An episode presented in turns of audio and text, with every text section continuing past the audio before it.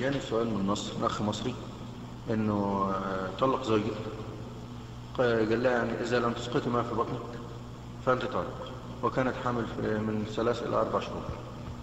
فهل يقع حاجة من الطلاق أو لا يقع؟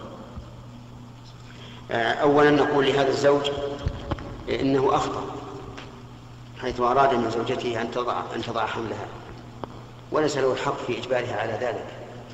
ثم إنه إذا بلغ إلى هذا المدة ثلاثة أو- أربعة شهور لا يجوز إسقاطه إلا لضرر لضرر محقق.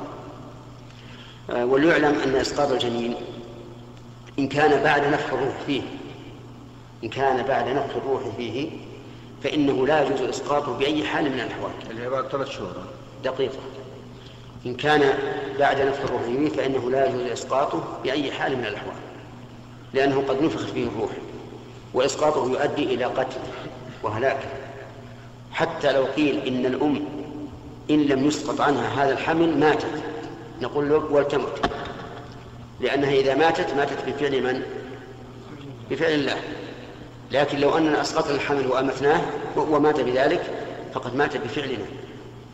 ومن المعلوم أنه لا يجوز إماتة شخص لإحياء شخص آخر.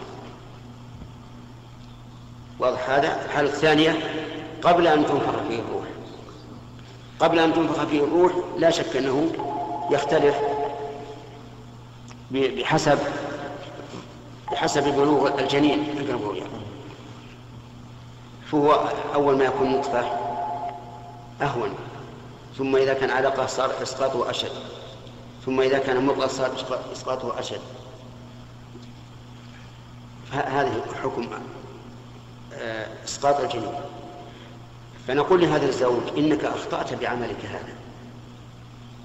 كونك تغرم ترغم امرأتك على أن تسقط الجنين ونقول للزوجة ليس عليك أن أن تضعي الحمل بل لك أن تعصي هذا الزوج.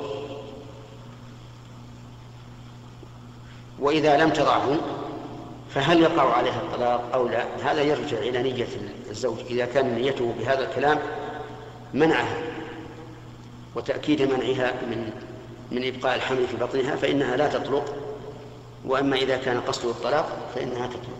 مع أنها الطلقة الثالثة. إيش؟ الطلقة الثالثة لها. سواء الثالثة ولا ولا, ولا الثانية ولا الأولى. الحكم واحد. إن كان ناوي الطلاق فهي تطلق. شيخ أحسن الله إليك.